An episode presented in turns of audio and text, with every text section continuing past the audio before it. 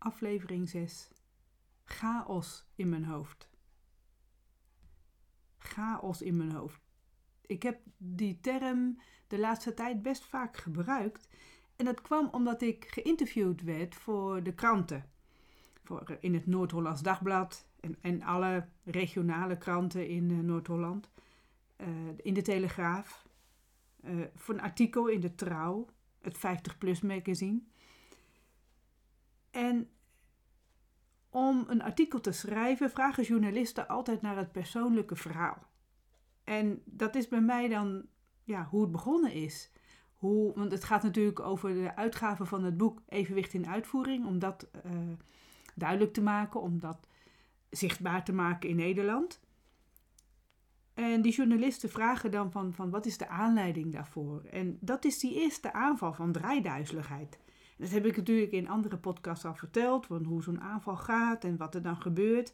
Nou, dat vragen die journalisten ook elke keer dan. Wat gebeurt er dan precies? En in juni 2021, nu, is het precies 15 jaar geleden dat ik die eerste aanval heb gekregen. En ja, hoe omschrijf je dan zo'n aanval als je dat verder niet kunt laten zien? Dan, dan, dan heb ik het dus over chaos in mijn hoofd veel later in allerlei presentaties die ik deed over, uh, over uh, in balans en over uh, tinnitus, dan heb ik het altijd over de zee in mijn hoofd. De zee in mijn hoofd is een beetje een neutrale woord en vind ik ook heel mooi, een hele mooie metafoor. En toch noemde ik elke keer bij deze journalisten dus over die chaos. Wat heb ik nou met chaos? Nou ja, ja, daar ben ik dus even mee, mee aan het stoeien gegaan. Van wat bedoel ik daar dan mee? Nou, ik neem je gewoon een paar, met, met een paar dingen mee. En misschien wordt dit ook een hele chaotische podcast, dat weet ik ook niet. Uh, maar een tijdje geleden ontdekte ik dat ik om de vier en om de zes jaar dat er iets aan de hand was. Als ik dan kijk naar, neem ik ook toch weer die 2006, die eerste aanval van draaiduizeligheid.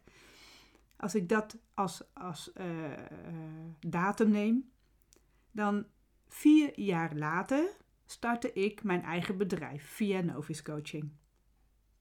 En toen, zes jaar later, dus vanaf 2010 naar 2016, kwam mijn boek Menière in Balans uit. En vier jaar later, in 2020, heb ik Evenwicht in Uitvoering uitgebracht. Nou, dat zou betekenen dat er in 2026 weer iets moois staat te gebeuren. Of iets, ja, iets nieuws, iets. Geen idee.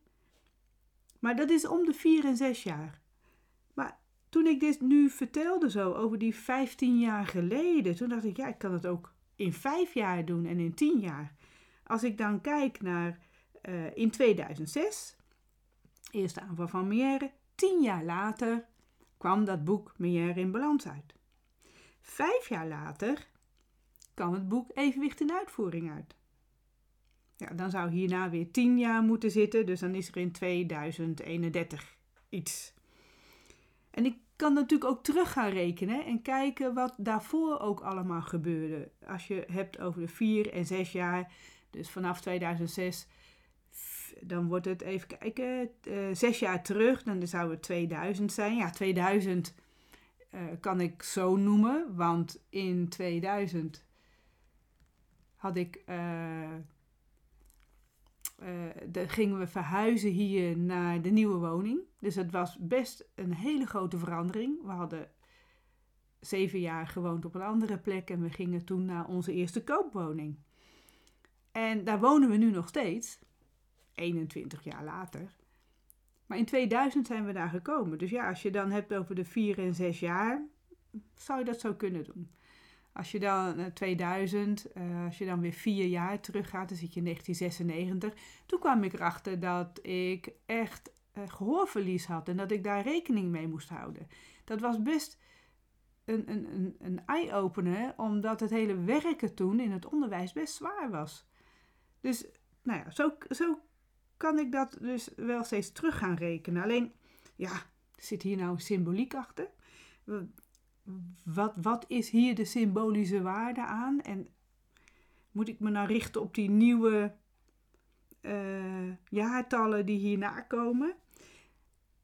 En toen dacht ik eraan, ik, ik heb hier wel vaker over geschreven. Ik, ik hou heel erg van schrijven. Ik, uh, met een vulpen, op heel fijn papier, op lekker papier, in een leuk schrift, een mooi schrift, een groot schrift. Um, kleiner kan ook. Uh, tegenwoordig schrijf ik steeds in grote schriften. Heb ik veel ruimte om te schrijven. En vooral met vulpen, daar heb ik ook ontdekt. Een paar jaar geleden heb ik ontdekt dat met vulpen schrijven vind ik zoveel fijner. Dus ik, ik heb het, ik denk wel zes of acht of zo. En die wissel ik ook elke keer af. Elke keer pak ik wel een andere kleur, een andere vulpen, die net even weer wat anders schrijft, maar wel een vulpen. Zo lekker. Maar dat schrijven dus. En dat schrijven, ja, waar, waar schrijf ik dan over? Ja, chaos. Over van alles en nog wat. Van de hak op de tak. Uh, de ene keer dagen achter elkaar en, en de andere keer er zitten weer een maand of twee maanden tussen. heb ik ondertussen wel weer in andere schriften geschreven en, of een elfje geschreven. Of, ik ben altijd wel bezig met woorden, met, met uh, zinnen van te maken. En dus, dus ook waarschijnlijk die symboliek zoeken. Alleen toen ben ik ook echt even aan het schrijven geweest. En dat is in 2019 geweest. Ben ik gaan schrijven over, over die symboliek. En dat kwam eigenlijk omdat ik met het schrijven meer de verdieping wilde zoeken. Van kan ik dat? In plaats van alleen een soort dagboek. Hoe, hoe doe ik dat? En nou, dan ga ik dus nu even uh, voorlezen wat ik geschreven heb op, even kijken, 29 januari 2019. Ja, je hoort me papier, je hoort misschien wat ritselen en zo. Komt uit een schrift. Kan ik? Durf ik wel te schrijven wat er diep van binnen speelt? Of speelt er helemaal niet zoveel van binnen? En eerder zocht ik overal de symboliek achter. En heel gek dat ik er steeds meer van overtuigd raak dat wij mensen alledaagse zaken en ziekten en ervaringen een symbolisch idee geven. Bijvoorbeeld de symboliek van de stenen en astrologie. En als je dan weet dat de evolutie nooit heeft nagedacht of iets symbolisch uitgelegd kan worden, ja, waarom is het dat wij daar een symbolische waarde aan geven? Dat stenen uit de aarde, die zijn nooit gemaakt om, om een symbolische waarde aan te geven. Door een samenloop van de aarde en de druk en temperatuur, daardoor zijn die stenen ontstaan. En ze zijn geslepen door wind, water of op elkaar schuren. Of gewoon, het is gewoon gebeurd zonder plan. Het, het is gebeurt zonder een model of een betekenis. En ik vind het wel heel leuk om daarmee bezig te zijn. En, en erover te lezen. En tegelijkertijd kijk ik er wel steeds nuchterder naar. Bijvoorbeeld de symboliek ook achter uh, ziek worden. Terwijl ziek worden is, is een verkeerde celdeling. En die verkeerde celdeling die gebeurt eigenlijk de hele dag door in ons lichaam. Dat is precies wat mijn jongste zoon ook altijd uitlegt. Van, er worden elke keer foutjes gemaakt, alleen kan ons lichaam dat perfect steeds weer oplossen. En op het moment dat je ziek wordt, dan kan die dat even niet oplossen. En als je dan bedenkt dat het lichaam dat functioneert zoals het heel langzaam is geëvolueerd, ook weer zonder plan en zonder idee zonder voorbereiding of zo. Er, zat geen doel achter. Die hele evolutie zat geen doel achter van zo gaat het worden. En als dan jouw eigen genen heel sterk zijn en de omstandigheden, nou, denk aan voeding, omgeving en de lucht en vervuiling van de lucht en zo, wat we inademen, daar heeft het dan ook mee te maken of je gevoelig bent om ziek te worden of niet. En als je bijvoorbeeld helemaal geen mensen ontmoet die een virus hebben. Nou ja, dit schreef ik in 2019, hè? toen wisten we nog niks over corona. Maar als je geen mensen ontmoet die een virus hebben, dan word je ook daar niet verkouden van. Of krijg je ook niet zomaar de griep. En je weerstand kan dus verminderen door, door heel veel factoren. Zit daar dan een symboliek achter? Zit er een bedoeling achter dat je ziek wordt? En hoe je daar dan vervolgens mee omgaat, dat hangt dan weer samen met je karakter en uh, ook weer met de omstandigheden, met voeding en slaap. En, en daar kun je dus allerlei symboliek omheen hangen. En, en dat is ook heel leuk om te doen. Alleen, het is er niet speciaal voor gemaakt om daar symbolische waarden aan te hangen. Bijvoorbeeld ook de kleur rood. Als je denkt aan de kleur rood, dan wordt er vaak gezegd dat staat voor vuur en passie. Maar ja, tegelijkertijd kan je er ook van vinden dat, dat jij rood, die kleur, dat je dat warm vindt of juist heel opvallend. Of misschien vind je het wel heel zacht. Ik, en kan ik rood ook gewoon een mooie kleur vinden, zonder symboliek. En blauw, lentegroen. Lentegroen, ja, lentegroen, ik vind het een geweldig mooie kleur. Maar daar hoef ik toch niet de symboliek dan achter te zoeken. Waarom ik dat nou zo mooi vind. En dan kom ik ook op de, wat is de zin van het bestaan? Want dan heb je het eigenlijk ook over symbolische waarde van, van het leven. Wat is de zin van het bestaan? En toen, in 2019, was er in de Volkskrant een hele serie van uh, portretten van mensen en die kregen dan deze vraag en die konden ze dan beantwoorden. En het leuke is dat toen ik dat ook las, elke, wat geloof elke maandag dat dat was, uh, heb ik dat dan ook steeds gelezen. En die antwoorden op die vraag, wat is de zin van het bestaan, was zo divers. En was zo ingegeven door, door nou ja, al die verschillende ervaringen die de mensen hadden meegemaakt. Het viel op dat er meerdere mensen zijn geweest die dan aangeven van het leven heeft geen zin om te bestaan. En dan geen zin tussen aanhalingstekens. We leven. En daar is alles mee gezegd dan. En toch hunkeren we ernaar om er wel een inhoud aan te geven. Want als er geen zin is, waar leef je dan voor? Of waar leef je dan tegen? Of waar leef je dan mee? Of waar leef je dan achter of naast? En toch willen we ons leven zin geven. Uitleggen waarom we bestaan. En uitleggen waarom ik op deze aarde ben en welk steentje draag ik bij aan deze wereld. Of verwacht die wereld helemaal niets van mij? Verwachten de mensen om mij heen eigenlijk helemaal niets van mij? Behalve dat ik dan af en toe aanwezig ben en dat ik er ben. Geef ik mijn eigen leven dus genoeg zin? Nou, daar kun je dus natuurlijk heel lang over mijmeren. Dit heb ik geschreven in, in januari 2019.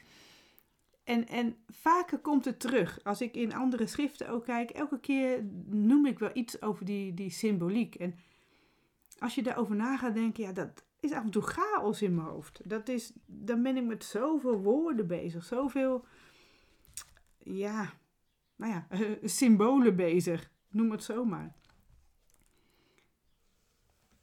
En waar ik het dan verder over wil hebben, want in datzelfde schrift heb ik verder ook geschreven. En toen ging het echt over het uh, boek Evenwicht in Uitvoering. Dat is het mooie van deze podcast, Evenwicht je leven. Het gaat over evenwicht in de breedste zin van het woord. En elke keer kom ik wel terug over dat schrijven in dat boek. Want dat schrijven was voor mij ook, is ook een soort, ja, uh, chaos geweest. En, en dan was het weer heel helder en dan had ik weer de goede focus. En dan was het weer even, werd het overhoop gegooid. En daar heb ik ook over geschreven op het moment dat ik uh, het boek, het manuscript eigenlijk, dus het boek was eigenlijk helemaal klaar toen ik dat verzonden had naar de uitgever en ook naar de KNO-artsen. Om mee te lezen met dat hele medische deel van heb ik dit nu allemaal goed opgeschreven. En daar heb ik toen ook over geschreven. Dat uh, is later in 2019 geweest. En ergens in januari, februari heb ik toen het manuscript weggestuurd. Dus dit schrijf ik alweer twee maanden later, zo in april. Nadat ik het manuscript voor het boek Evenwicht in Uitvoering had verzonden, kreeg ik al feedback terug van de KNO-arts en van de uitgever. En dat ben ik vrij snel gaan verwerken. En het is dan heerlijk om met die feedback aan de gang te gaan en zo hiaten op te vullen en, uh, en, en dat te delen. En waar ik zelf ook nog niet tevreden mee was, dat heb ik dan aangepakt om het beter en nog duidelijker te maken. En ik mocht er ook nog meer ervaringen aan toevoegen, dat werd ook aangegeven. Maar dat vond ik toen wel gek, want ik had toch al te veel woorden. En van de uitgever hoefde ik daar niet meer op te letten. Hij zei: ga maar gewoon doorschrijven en, en ben niet bezig met het aantal woorden. En uiteindelijk zijn het wel 10.000 woorden meer geworden. En als je weet dat de uitgever in het begin een boek voor ogen had met maximaal 20.000 tot 30.000 woorden, is het nu een manuscript geworden van 50.000 woorden. Want het hele evenwicht, hoe ik het wil vertellen, dat, dat lukt helemaal niet in 20.000 woorden. Daar, daarvoor is dat hele evenwicht te complex. Nou ja, afijn. Het manuscript is dan verzonden. En dan komt daarna nog een correctieronde. En uh, komt nog een redacteur en een vormgever. Die gaan ermee aan de slag. Als het boek tenminste ook daadwerkelijk wordt uitgegeven door deze uitgever. Daar ging ik op dat moment wel vanuit. Mocht het door welke omstandigheid dan ook niet doorgaan, ja, dan kan ik altijd nagaan of er nog een andere uitgever is en ik kan het ook uitgeven in eigen beheer. En in eigen beheer uitgeven, dat kost wel veel tijd. Dat betreft de auteursrechten, controle voor de foto's, het maken van afbeeldingen, uh, hoe ik schema's wil hebben, dat ik dat dan echt ook zelf ga maken of laat maken. En de tekeningen die ik daarin wil hebben. Het wel heel veel tijd kosten. En ook ongelooflijk veel geld. Maar het is niet onmogelijk. Dit was dus april 2019. Toen wist ik nog niet wat er daarna ging gebeuren. Maar ik had mezelf waarschijnlijk al ergens erop voorbereid. Intuïtie? Ja, noem het symbolisch, ik weet het niet. Ik was er dus al wel mee bezig. Want later, en dat was in mei, maand later, schrijf ik dan in datzelfde schrift. De uitgever gaf tussen, sorry, de uitgever gaf tussen neus en lippen toe dat het een zo omvangrijk boek dat het te veel zou gaan kosten en ook aan de redactie en eh, vormgeverskosten en zo. Dus hij wilde liever dat het een kleine boek wordt. Hij ziet het eigenlijk meer voor zich van uh, een paar thema's, een paar casussen en, en daar dus brokjes informatie over het evenwicht aan toevoegen. En dan 80% van het manuscript niet in boekvorm en 20% wel. En dan kan die 80% bijvoorbeeld op een website komen, dat mensen dus daarna dat verder kunnen opzoeken. En dat had natuurlijk ook met name te maken over de financiën, omdat dat behoorlijk prijzig is dan om dat allemaal te doen en helemaal zo'n boek. Maar hij gaf dus aan dat hij dat dus uh, niet meer op die manier wilde uitgeven zoals we dat in eerste instantie wel uh, bedacht hadden. Ja, hoe ga ik daar dan weer mee om? Mijn vraag was dan ook wat ik schreef: kan ik een uitgave zelf financieren en, financieren en hoeveel kost het? En hoeveel heb ik ervoor over? Doe ik mijn schrift nu even dicht.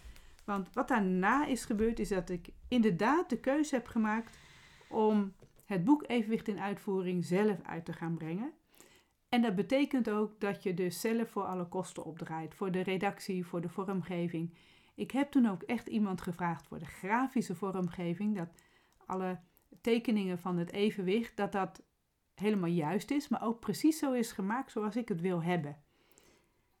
En ook daar zijn natuurlijk allemaal kosten aan verbonden. Dus ik heb het uiteindelijk helemaal verder zelf uitgewerkt. En dat was dus vanaf zomer 2019 dat ik die beslissing nam, ben ik bezig geweest om dat dus helemaal rond te krijgen.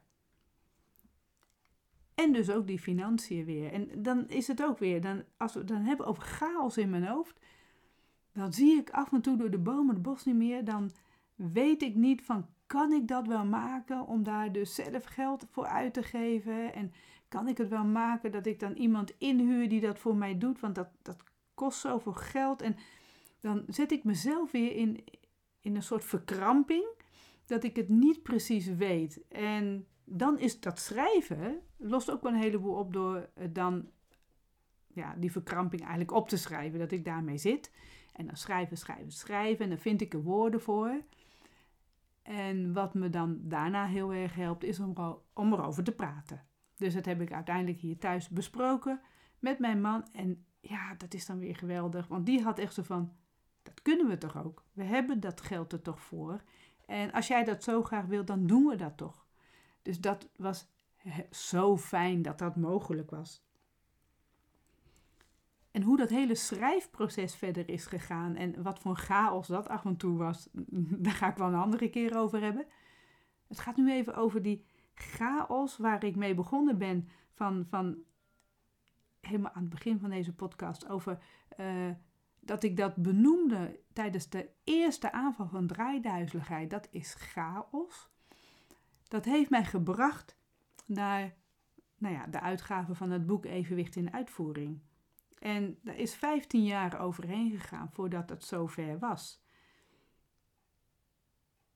Mooi is nu dat die uitgever van uh, waar ik dus mee bezig was, dat die op een gegeven moment, daar heb ik gewoon goed contact mee gehouden. Hij heeft ook de boeken Evenwicht in Uitvoering van mij meegenomen. En toen zei hij ook van, het is maar goed dat jij zo eigenwijs bent geweest om het boek op deze manier uit te brengen. Want het is wel een heel mooi boek geworden. En dit boek draagt toch bij aan een stukje informatie wat er nog niet was in Nederland. Nou, dat vind ik dan een heel mooi compliment. En dan vind ik het ook heel fijn dat het mezelf gelukt is. En als ik het dan weer over die chaos heb, dan heb ik het een tijdje geleden ook in een, uh, in een opstelling, uh, dan ja, praat je ook weer over symboliek, in een opstelling over gehad. En toen ging het voor mij over uh, leegte. En vanuit die leegte komen er allerlei gedachten bij mij binnen wat chaos kan worden. Dan is het belangrijk dat ik een soort focus ga hebben. En als ik die focus heb, dan kom ik tot actie. En toen ik daarmee bezig was in die opstelling, werd het mij steeds duidelijker dat uh, geef, dat is een uitdrukking van Archimedes, geef mij een plek om te staan, dan beweeg ik de wereld. En toen ik dat opschreef op één uh, blad, op één A4, leeg, chaos, focus, actie, kwam dat naar alle kanten. Want dat heeft te maken met de leegte, het heeft te maken met de actie, het heeft te maken met de focus, het heeft te maken met die chaos. Geef mij een plek om te staan, dan beweeg ik de wereld.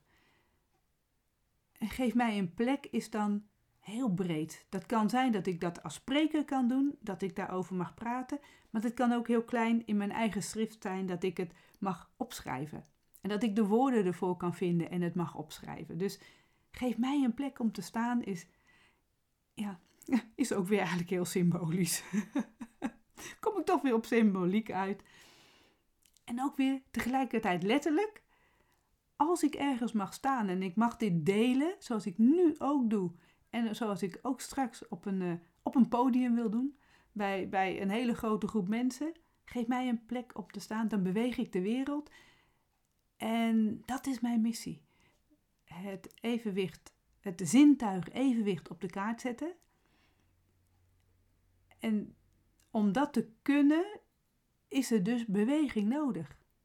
En ja, dan beweeg ik de wereld. En ja, dat heeft natuurlijk alles weer ook met het evenwicht te maken, met de zwaartekracht. En, nou, heel letterlijk. En tegelijkertijd ook toch weer die, die symboliek die daar doorheen komt. Chaos in mijn hoofd. Ik stop ermee.